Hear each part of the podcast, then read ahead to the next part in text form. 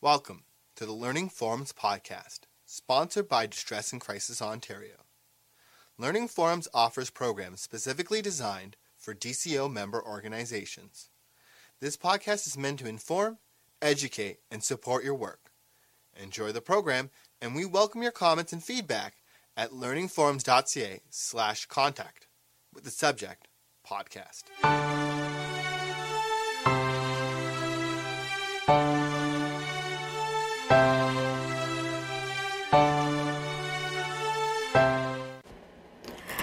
Hi, Alma. How are you today?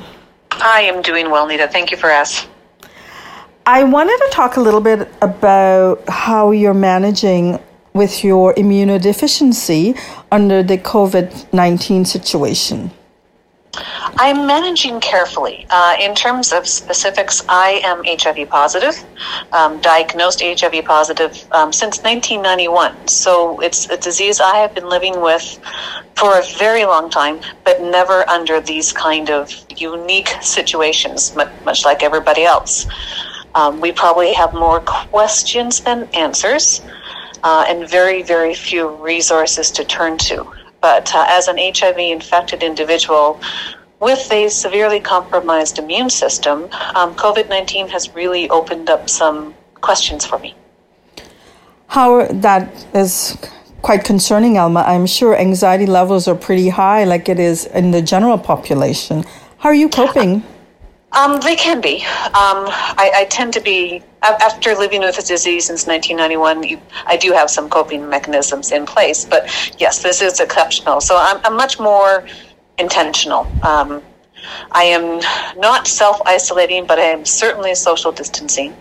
Uh, I, am in the position with my employer where they're very supportive of me not being present at work when we're open to public, and, and with everything changing, even even my work has changed that they're no longer open to the public. So that concern has been removed for me. But um, it's it's the simple everyday things of life. Groceries.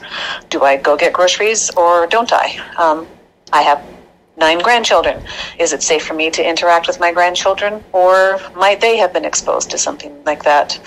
Uh, my medications. Um, I've been in conversation with my pharmacy numerous times because they're having problems getting medications delivered.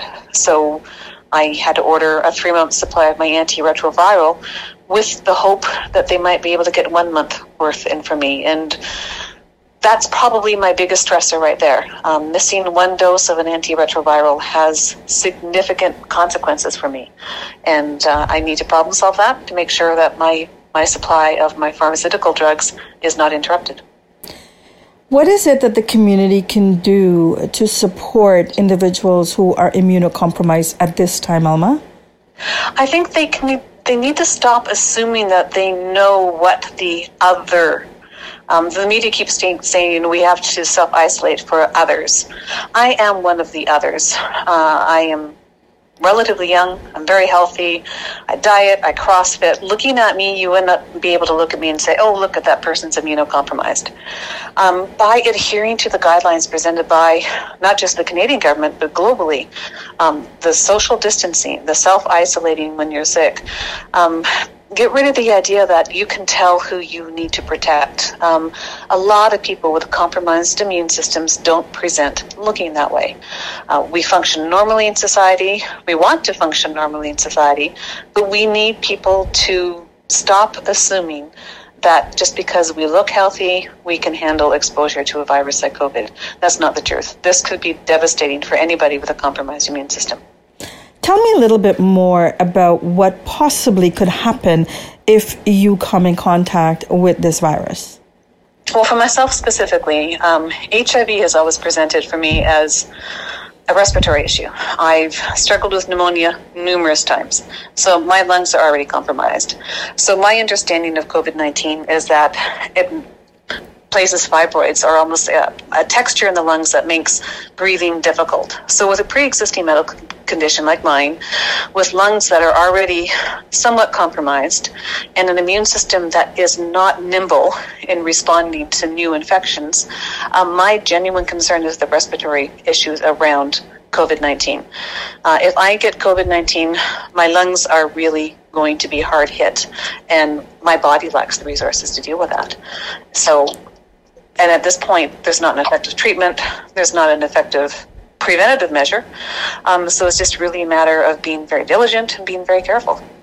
So we all have a collective responsibility to ensure that we take responsibility for our own behaviors so that we're not spreading this virus, not just because it is necessarily a low level of fatality, but it's a fatality rate for someone who has a compromised immune system. For them, it's almost like a hundred percent fatality it, rate. It, it can be. Um, there's still so many unknowns. Um, there's a fabulous resource that we have here in Canada. It's, it's called CATIE, C A T I E. It's the Canadian AIDS Treatment Information Exchange.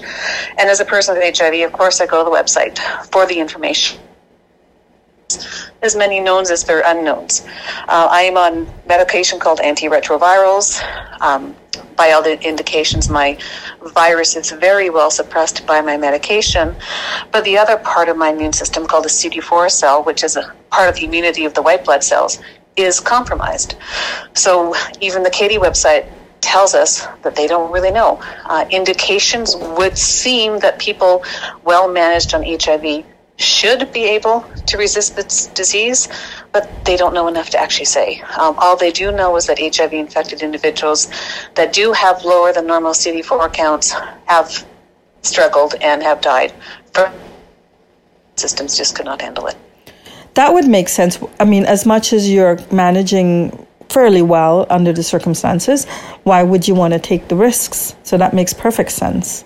Yeah, absolutely. You know, and and it's to find the balance though between living a life, you know, of balance and calmness and not walking in fear and trusting that the people around me are applying common sense because that's genuinely what it is. It's common sense. It's thinking about the community rather than the individual. And even though you might think, oh, it's only going to be a bad cold or kind of a, a, a flu, that might be the truth for you, but it might not be the truth for the person standing beside you in the grocery store. Exactly. I really like your approach of balance. You know, no panic, but being cautious enough. Can you tell me that uh, information again about CATIE? Slowly, so that our listeners might be able to access it if they need to. It's a fabulous website, C A T ca, and their focus is people with HIV as well as hepatitis uh, infections. So anybody that's you know infected with hepatitis, uh, HIV, uh, it's a great resource for them to go to and find out the implications of COVID nineteen. Um, and they have all sorts of links um, to you know websites around the world well researched, well funded, well studied, and certainly not alarmist. They're very, very careful with what they present, and um, it, it's well researched before they put it out there. So CIT. Elma, I think you cut out. Elma, I think you cut out at CAT. Can you repeat that? Yep. Yes, C A T I E dot C-A. Canadian AIDS Treatment Information Exchange. Thank you, Alma. So that's C A T I E, Canadian AIDS, AIDS. Treatment, Treatment Information Exchange. Terrific. Thank you. Is there any other recommendations you have for people with compromised immunized systems? I'd say be honest. Um, a lot of times we choose to not share the fact that we might be immunocompromised. Um, we don't have to give details. I've always been very open on my HIV di- um, status, but it's fair to say to somebody, I have a compromised immune system. You don't have to give specifics. That's all they really need to know. And explain because you have a compromised immune system, you require that they be very aware. Um, once people find out that you have a legitimate concern and a legitimate need for them to conduct themselves carefully, I'm finding people to be exceptionally understanding, almost apologetic about the fact that I'm in that situation. Um, people have been lovely. Um, and friends and family, of course, offering to run errands for us, um, just watching out for us. And I, I genuinely appreciate that. Uh, I haven't taken anyone up on it yet because right now I still feel I can safely move throughout my community. But I know should that change, I can make one or two phone calls and people will be getting groceries for me. They will be doing what they can to make sure that I'm safe. At this time of high anxiety, it is so important that we feel like we're part of a caring and sharing type community, isn't it? Mm-hmm, absolutely. It gives a lot of peace of mind and it just helps you know that you're not alone. Um, I, I, work as a peer support person with people with HIV, and a lot of the people that I provide support to they're scared, they're isolated, they're alone, they don't know who to call, um, and, and you know, they simply need groceries, and they're, they're afraid to step out their door. Um, the AIDS support organizations are overwhelmed because the vast majority of their own volunteers are already HIV infected themselves. So they're looking for support, So they're looking for help, and you know, it, it's it's very simple to call a local aid support organization and say, hey, if anybody needs groceries picked up, give me a call. I can do it for them. That's wonderful information. At a time when we have to social distance, we require a need to be connected. And mm-hmm. there's so many ways that we can do that without being in violation of any sort of social distancing criteria. Yes. And yes. feeling like we're part of a community, feeling peace, because uh, you know the anxiety that exists with the unknown and the rapidly changing situation the only thing we can really count on that doesn't rapidly shift and change is the fact that we care about each other and we're Absolutely. responding to each other. We're using some common sense in how we respond because it's so easy to panic and be fearful. That yeah. doesn't mean that we don't take precautions, the appropriate precautions, and we go to the source of reliable, knowledgeable information. Absolutely. You know, get get your information from sources you trust.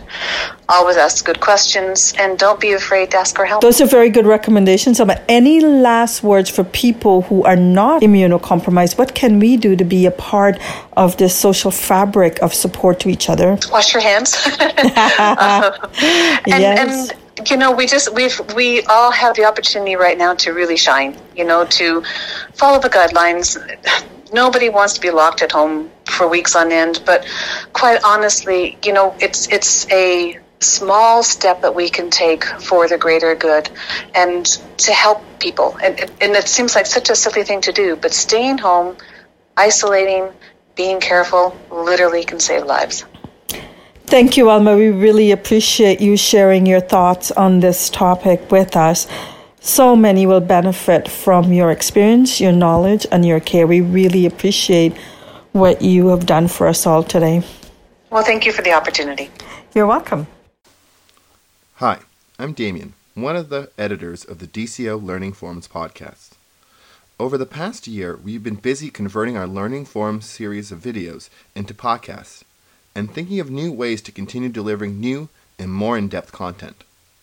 We've seen the demand and we're announcing our move to Pinecast and our new tip jar function. Please consider going to tips.pinecast.com slash jar slash distress and crisis Ontario and donating. And in return, we'll be recording new follow up episodes on some of our most popular topics. These will be accessible for tippers only and will help pay for travel, web hosting, etc.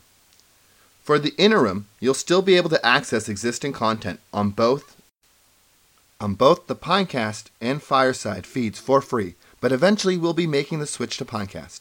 Thank you for your understanding.